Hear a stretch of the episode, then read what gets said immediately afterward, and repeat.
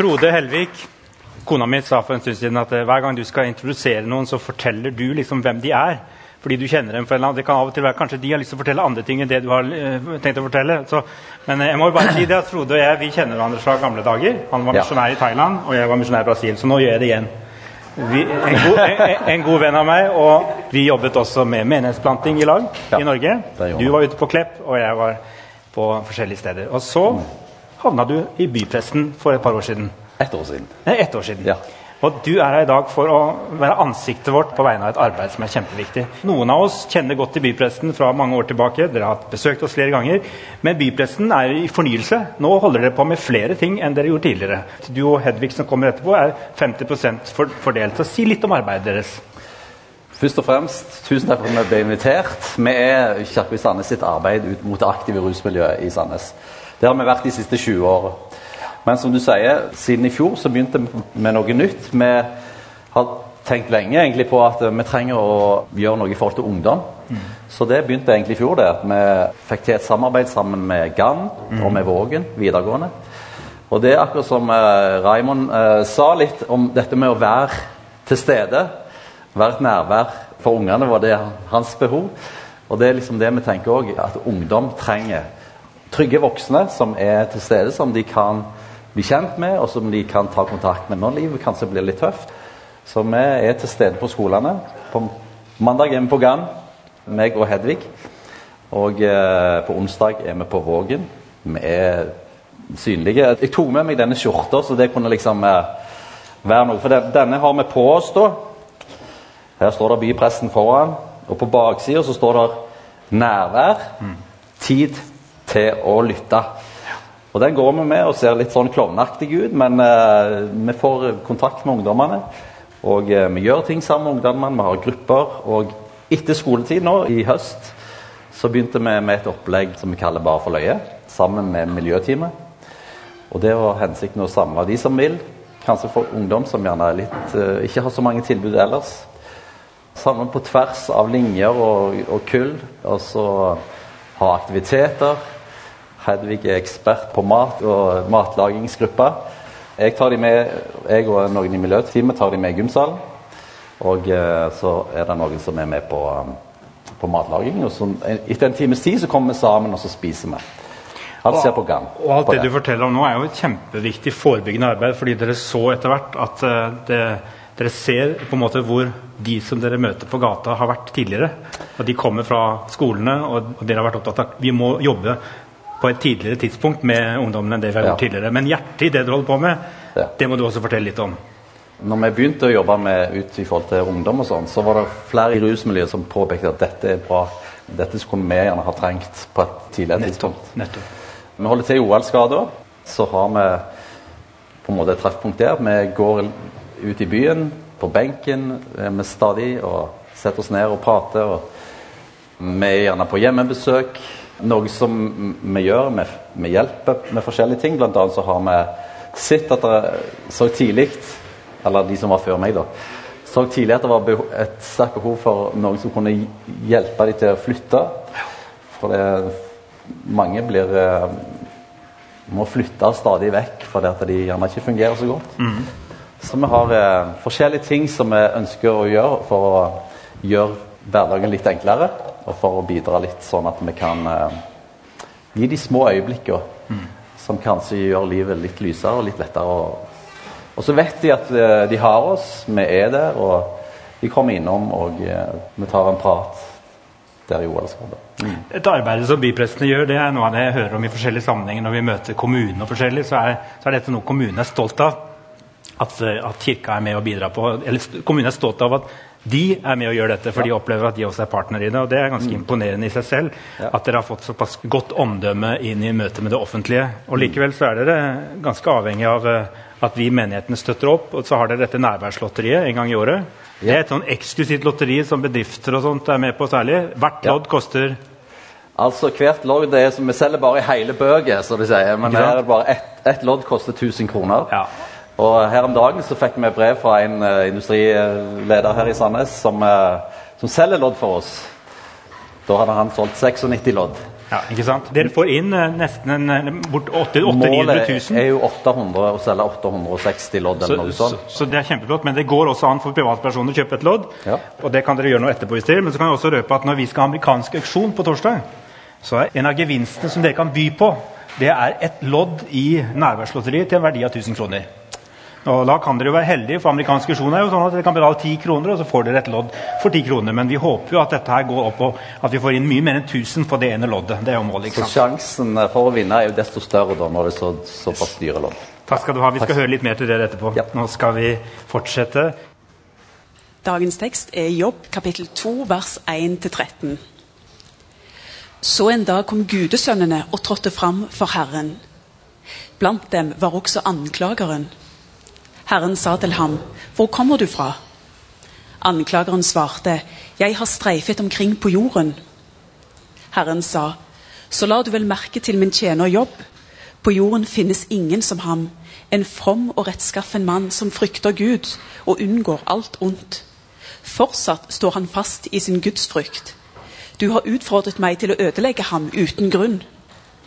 Men anklageren svarte, hud for hud. En mann gir jo alt han eier for sitt liv. Hvis du nå rekker hånden ut og rører ved hans bein og kjøtt, så får vi se om han ikke spotter deg like opp i ansiktet.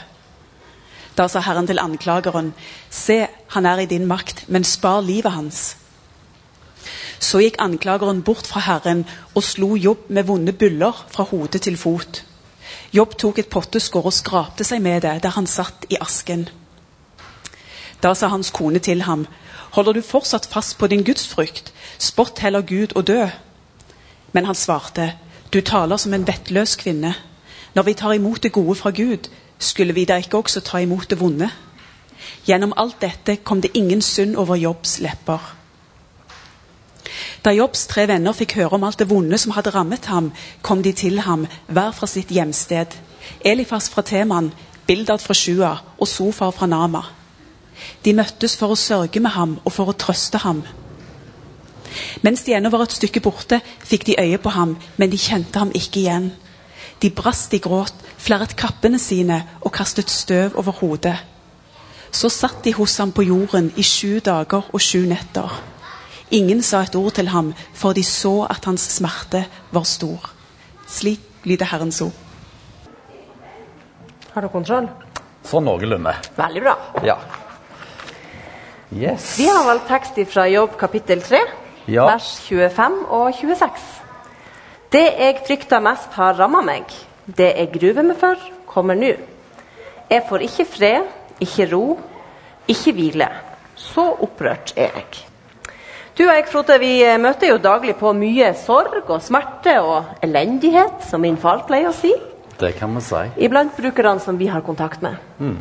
Og du har jo vært i denne jobben litt lenger enn meg. Ja. Kan du si noe om hvordan de her møtene har opplevdes, når du liksom kommer der som sendebud fra Gud, og så er det elendighet?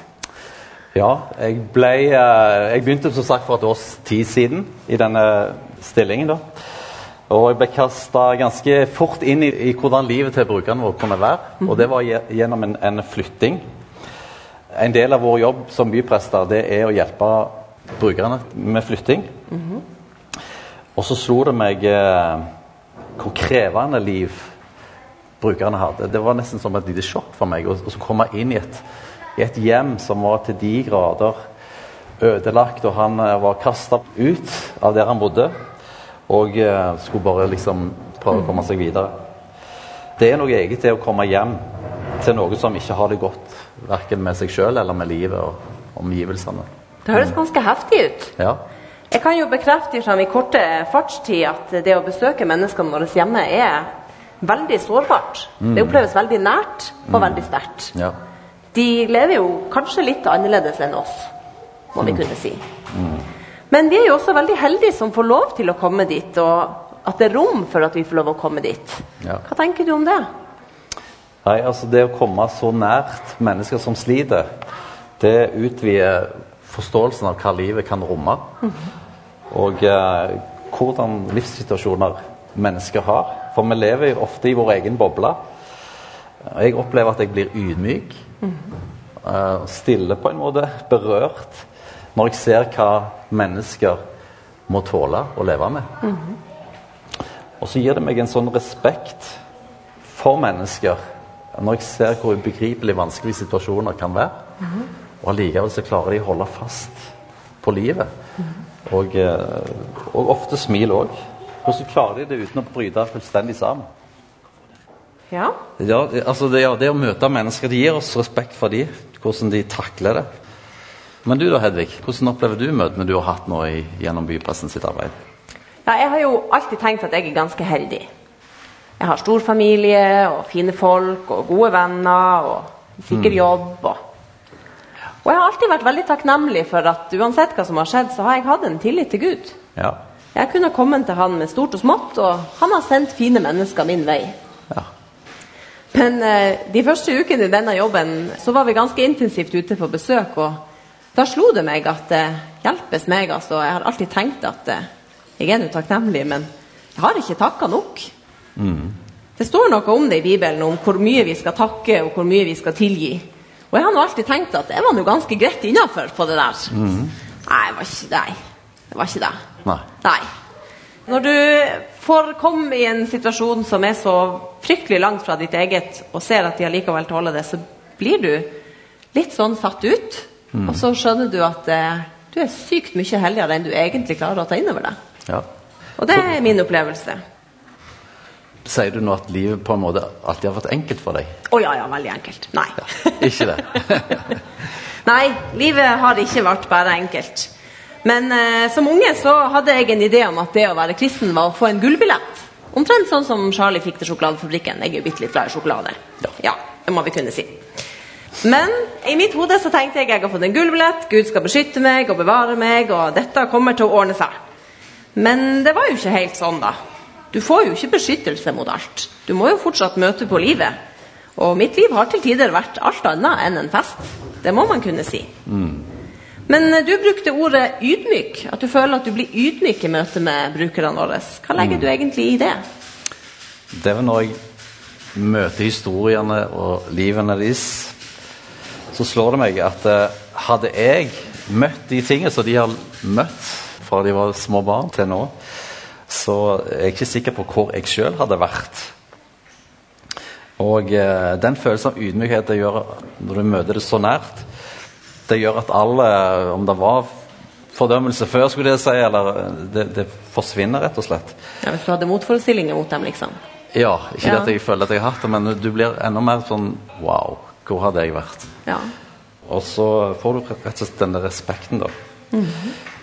Men eh, det er ikke bare mørkt, det vi møter, Hedvig. Dersom alt som vi møtte i bypressen, var mørkt, hvordan hadde hverdagen vår da vært? Nei, det tror jeg faktisk ikke vi hadde tålt. Nei. At det bare var mørkt. Nei. Vi måtte nok ha forsøkt å tåle det. Hvis det var sånn Gud hadde planlagt det. Men det ville gjort oss helt avhengige av Gud og av hverandre. Ja. Jeg tenker jo at eh, det er ikke alltid sånn at vi føler oss sterke. Men Gud har lova at han skal være med oss og gi oss styrke, sånn som vi trenger det for hver enkelt dag. Og så er det jo sånn at eh, det er kanskje når vi syns at det er vanskeligst, at vi egentlig er sterkest. For når vi da ser tilbake på det, så, så sto vi i ting vi egentlig ikke trodde vi kunne få til. Men vi sto gjerne ikke helt alene i det. Men eh, kan du si noe om sist gang du ble oppriktig glad over møtene vi hadde med våre brukere? For det skjer jo, vi flirer jo mye på jobb. Det gjør vi. Det må vi jo kunne si.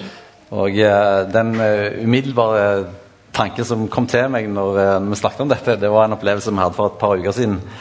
Og Da var det en av brukerne som var på besøk i Oalsgata og drakk en kopp kaffe, og vi hadde en prat. Og så delte han litt om en, eh, en selger som var oppe i gata, og så Han har det vanskelig. Uh, han eh, han eh, spurte om ikke jeg kunne ta kontakt med han og hjelpe han eh, så han kunne mm, få gang på TV-en sin. Har ikke så mye med Gud å gjøre å se på TV, har det det? Nei, men eh, jeg spurte han hvorfor har du sånn eh, omsorg for den TV-en. Så sa han det at eh, dersom han får den TV-en til å virke, så kan han kanskje komme til å føle seg mindre ensom og innta litt mindre rusmidler. Så kjente jeg liksom på at jeg ble rørt av omsorgen for kameraten hans. Og ja, vi møter sånne, vi får sånne gode øyeblikk. øyeblikk. Hedvig, du eh, fortell om noe sånn som du har møtt, og kanskje en situasjon hvor, hvor tro kommer til syne i, i rusmiljøet. Ja. Hele mitt liv så har jeg vært eh, velsigna med en god dose frimodighet. Og når jeg ser ting og opplever ting, så er det veldig naturlig for meg å spørre om det jeg ser, er rett, eller om jeg har observert noe rett, eller hørt noe rett. For det er jo sånn at vi ser jo ting gjennom våre egne briller, og da er det ikke alltid de er helt rett. Så For en liten uke siden så hadde jeg en samtale med en bruker som har ganske store utfordringer med helsa si. Det er mye vondt, og det er mye legetimer, og det er ikke så veldig lett å løse egentlig noen av tingene. Nei. Så spurte jeg litt sånn om hvor er det egentlig det gjør mest vondt henne? Hva er det egentlig som er vanskeligst akkurat i dag? Og da ble hun veldig stille. Og så satt hun en stund, og så sa hun at eh, akkurat i dag og nå så er det aller vanskeligste at Gud føles så fjern. Skjønner ikke helt hva han holder på med når jeg har så vondt. Og så blir jeg veldig usikker på om er det lov for meg å være skuffa på Gud når jeg har så vondt. For hun følte på det. Hun var skuffa. Han gjorde dårlig jobb. Ja. Ja. Og hadde også store spørsmål om Gud kunne tåle egentlig at livet hennes ble sånn som det ble. For det har jo ikke akkurat vært veldig gullkanta. Og det gjorde stort inntrykk for meg. At der satt hun og hadde vondt i omtrent alle deler av kroppen. Men det som opptok henne mest, det var om Gud hadde rom for henne. Og om han tålte at hun var skuffa over at det ikke hadde blitt bedre. Og det ga rom for en samtale som ble veldig nær og veldig fin og ganske rørende. Ja. Om tro og tvil og om livet og hvordan vi kan tåle det. Og det er litt av oppgaven vår også å gå ut i miljøet og dele òg troen og håpet og snakke med dem om det håpet som vi har. Og ha rom for de samtalene. Og ha rom for de samtalene. Og det siste vi skal avslutte med her, det er det håpet som vi har å gi videre. Som vi vil lese fra Jesaja 43, vers 1-5. Og nå, sier Herren, Han som skapte deg, Jakob, som formet deg, Israel. Vær ikke redd. Jeg har løst deg ut. Jeg har kalt deg ved navn, du er min. Går du gjennom vann, er jeg med deg. Gjennom elver skal de ikke flomme over deg. Går du gjennom ild, skal de ikke svi deg, og flammen skal ikke brenne deg. For jeg er Herren din Gud, Israels hellige, som frelser deg. Jeg gir Egypt som løsepenge for deg, Kush og Sheba i stedet for deg, fordi du er dyrebar i mine øyne, høyt aktet, og jeg elsker deg. Vær ikke redd, for jeg er med deg. Tusen takk for at vi fikk dele litt av det håpet som vi har sammen i Jesus, og det vi opplever.